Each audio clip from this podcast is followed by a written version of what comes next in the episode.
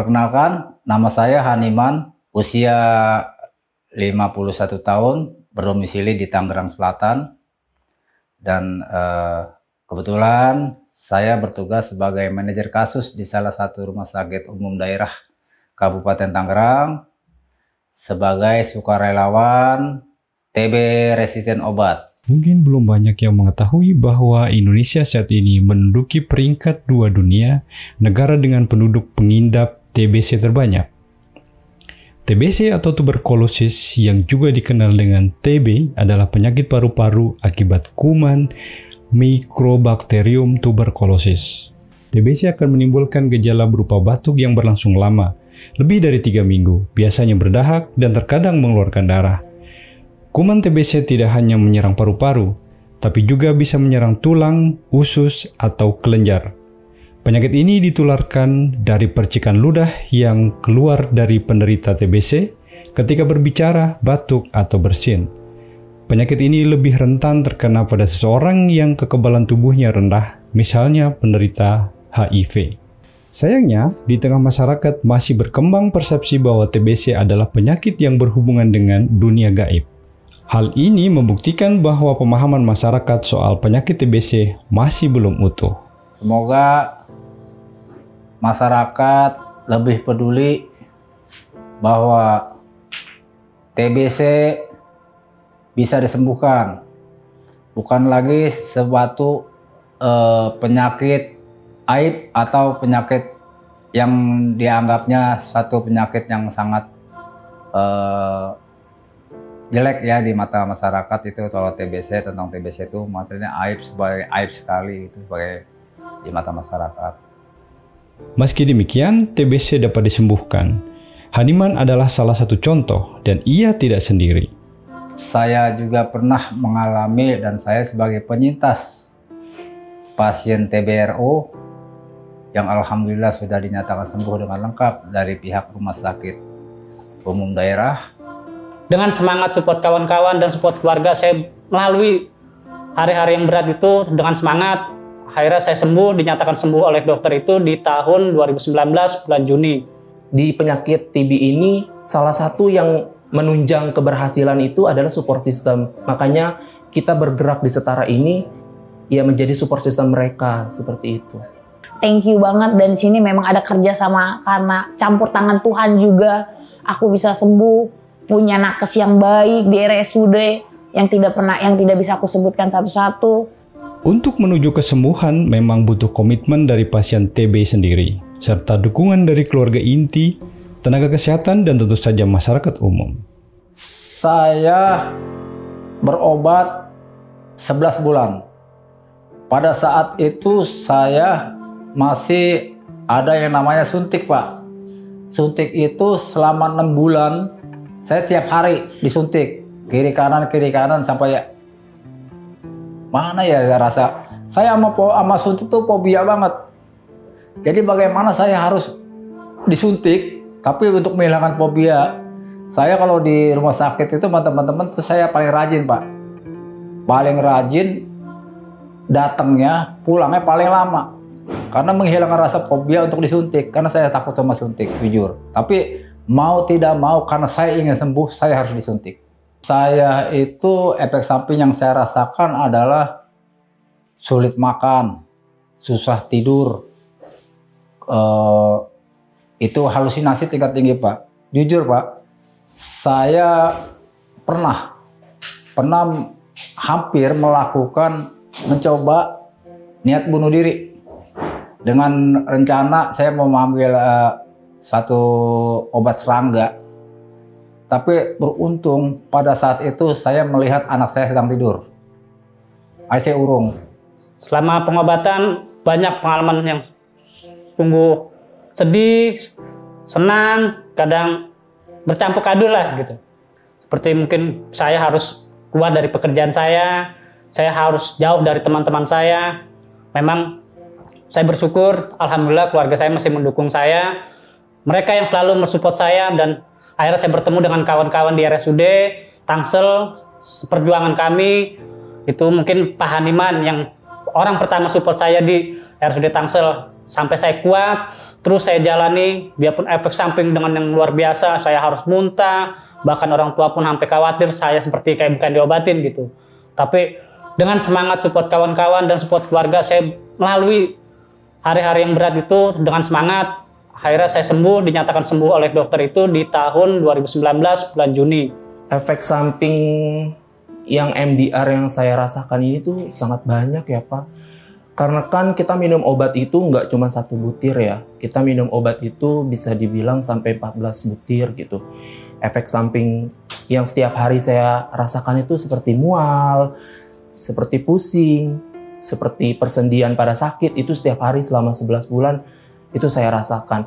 Apalagi kan saya selama 6 bulan saya juga melakukan suntik ya jadi setiap hari kanan kiri kanan kiri dan itu juga hebat banget sakitnya di pantat gitu. Jadi itu sih yang rasa saya rasa apa pasien sekarang alami itu SO itu yang dibilang satu buku pun ditulis nggak akan pernah cukup karena banyak dan 2017 lah orang orang kedua di pertama banget buka itu aku di RSU karena aku ngerasain itu panjang selama 20 bulan. Jadi dokter itu ngelihat aku, aku semangat. Karena aku nggak pernah mengeluh orangnya. Kalau ditanya, Erni kamu keluhannya apa? Nggak ada dok, paling sakit doang, paling kok apa uh, asam uratnya tinggi, mual muntahnya itu mah udah yang udah yang umum lah ya, udah yang sepat seperti minyak sama air yang tidak bisa dipisahkan. Jadi aku mah nggak pernah mengeluh, aku semangat, aku bilang aku harus sembuh. Nah di situ kan aku memang sudah memutuskan sebelum pengobatan bekerja, jadi aku tidak berdiskriminasi. Orang tua pun semangatin aku. Di mana tuh seperti pasien sekarang tempat makan yang harus dibedakan. Kalau aku enggak, jadi tempat makan ya sama. Tetap masih aku positif, aku memakai masker, menjaga jarak, berjemur setiap pagi. Benar-benar aku jaga karena aku aware sama diri aku dulu minimal oh, orang tua yang di rumah itu tidak boleh seperti aku. Baik jadi kalau kayak gitu udah biarin aku aja aku yang udah sembuh. Jadi beliau pun tidak boleh di mana yang program pemerintah ini kan 2030 Indonesia ini kan harus bebas TB kita peringkat nomor 2 setelah India. Jadi gerakan itu benar-benar aku jaga banget dan benar sampai 20 bulan aku selesai dengan baik berdasarkan pengalaman inilah Kini Haniman dan rekan-rekannya mengabdikan diri mereka untuk melakukan edukasi kepada masyarakat tentang TB serta melakukan pendampingan pasien TB menuju penyembuhan. Komunitas kami yang bernama Setara Sebaya Tangerang Raya yang berdomisili di Tangsel. Kami melupiti daerah Tangerang Raya, Banten, dan sekitarnya. Kami dan teman-teman uh, berusaha uh, mengajak masyarakat, mengedukasi masyarakat, memotivasi pasien-pasien untuk tetap semangat dalam menjalani TB resisten obat. Alhamdulillah, setara sampai saat ini sudah melakukan uh, kontak investigasi, investigasi, melakukan kunjung-kunjungan, melakukan pendampingan-pendampingan uh, kepada pasien-pasien TBRO di rumah sakit umum di daerah Tangerang dan sekitarnya di PKM-PKM dan kami juga uh, setara itu uh, mencari mencari eh, kasus-kasus TB agar masyarakat ini mau uh, berobat. Ya di Setara saya melakukan kegiatan pendampingan pasien atau suang pasien supporter. Seperti yang tadi saya bilang, saya akan selalu support pasien dari mulai mereka datang ke rumah sakit atau pengobatan sampai mereka sembuh. Support itu berupa edukasi, semangat, ataupun memberikan sedikit bantuan yang memang kami punya gitu. Jadi kami akan terus pantau perkembangannya, baik pun di rumah sakit, di PKM, bahkan sampai di rumah. Bahkan kita harus lihat keadaan di rumahnya, lingkungannya, karena memang banyak juga pasien itu terkendala seperti ya kita nggak menafik ekonominya dari kehidupan ataupun kehidupan rumahnya lah gitu.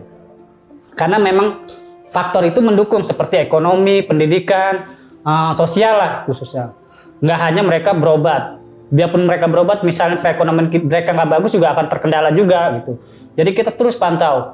Kita akan berikan bantuan apa yang harus diberikan dan kita akan terus mendata sampai mereka benar-benar diberdayakan ataupun diperhatikan dari segi pengobatannya, segi ekonominya, atau mungkin bahkan pendidikannya karena memang banyak pasien yang sakit sampai nggak bisa bekerja, sampai dikeluarkan atau di PHK dari tempat kerjanya, bahkan sampai yang mungkin kuliah atau sekolah dia sampai berhenti karena malu, mungkin banyak kejadian masih stigma atau dibully di sekolahan atau di lingkungan gitu. Tapi kita insya Allah kita akan terus memberikan edukasi bukan hanya pasien, lingkungan pun, mungkin tempat kerjanya pun kita akan edukasi ataupun memberi pengertian karena memang banyak masyarakat umumnya khususnya lingkungan setempat lah gitu masih belum terlalu paham.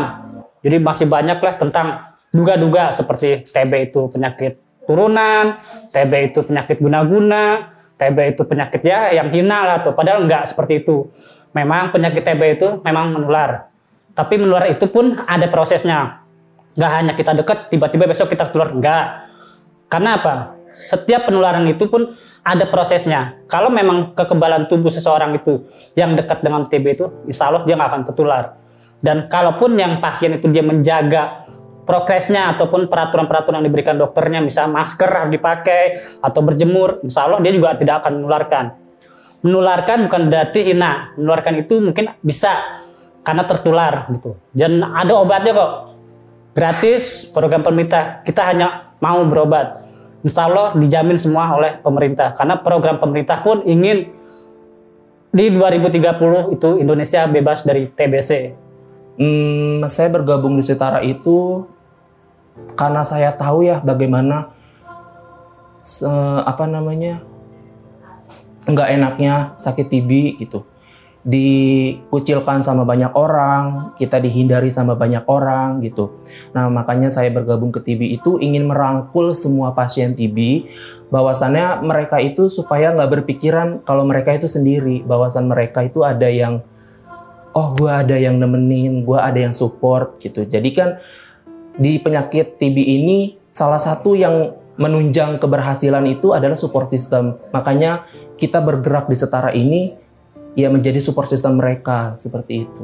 Satu karena gini ya Pak, uh, aku mantan, aku pernah seperti mereka. Gimana rasanya antara hidup dan mati? Jadi hidup kok kayak orang nggak berguna gitu. Kayaknya buat apa sih hidup nggak berguna banget? Jadi aku pengen bikin kalian juga masih punya apa masa depan yang cemerlang. Kalian masih bisa bangkit. Kalian masih bisa sembuh. Atau pengobatan lama ini ada garis finishnya di mana pasti sembuh tidak seperti HIV ya Pak. Minum obat seumur hidup yang tak sembuh. Tapi kalau HIV ini eh kalau TBRO ini minum sepanjang pun dia pasti sembuh. Dan yang pastinya tidak menularkan itu. Itu yang tergerak. Jadi mereka harus benar-benar diberdayakan. Mereka benar-benar harus dipeluk, dirangkul, dikasih semangat. Jadi mereka yang pasien-pasien TBRO ini tidak boleh dikecilkan, bahkan dilihat sebelah mata bahkan disingkirkan atau di, dikucilkan. Ih sana kamu TB nggak perlu. Jadi mereka jadi bikinlah kita semua seperti duduk sama rata, berdiri sama tinggi. Aku memang relawan itu kan tidak ada gaji. Satu juga aku relawan juga dan aku diberdayakan di MK. Di mana kan MK kan masih punya penghasilan Pak dari Global Fund kan. Nah di situ aku bisa walaupun dibilang kalaupun kita punya gaji itu jauh dari kata cukup tapi kalau kita bisa baik sama orang, kita bisa berbagi, Tuhan akan kasih lebih dari apa yang kita keluarkan. Janji Tuhan itu nyata, Tuhan itu baik banget. Dan sampai detik ini, aku nggak akan pernah kekurangan bahkan Tuhan selalu kasih aku cukup.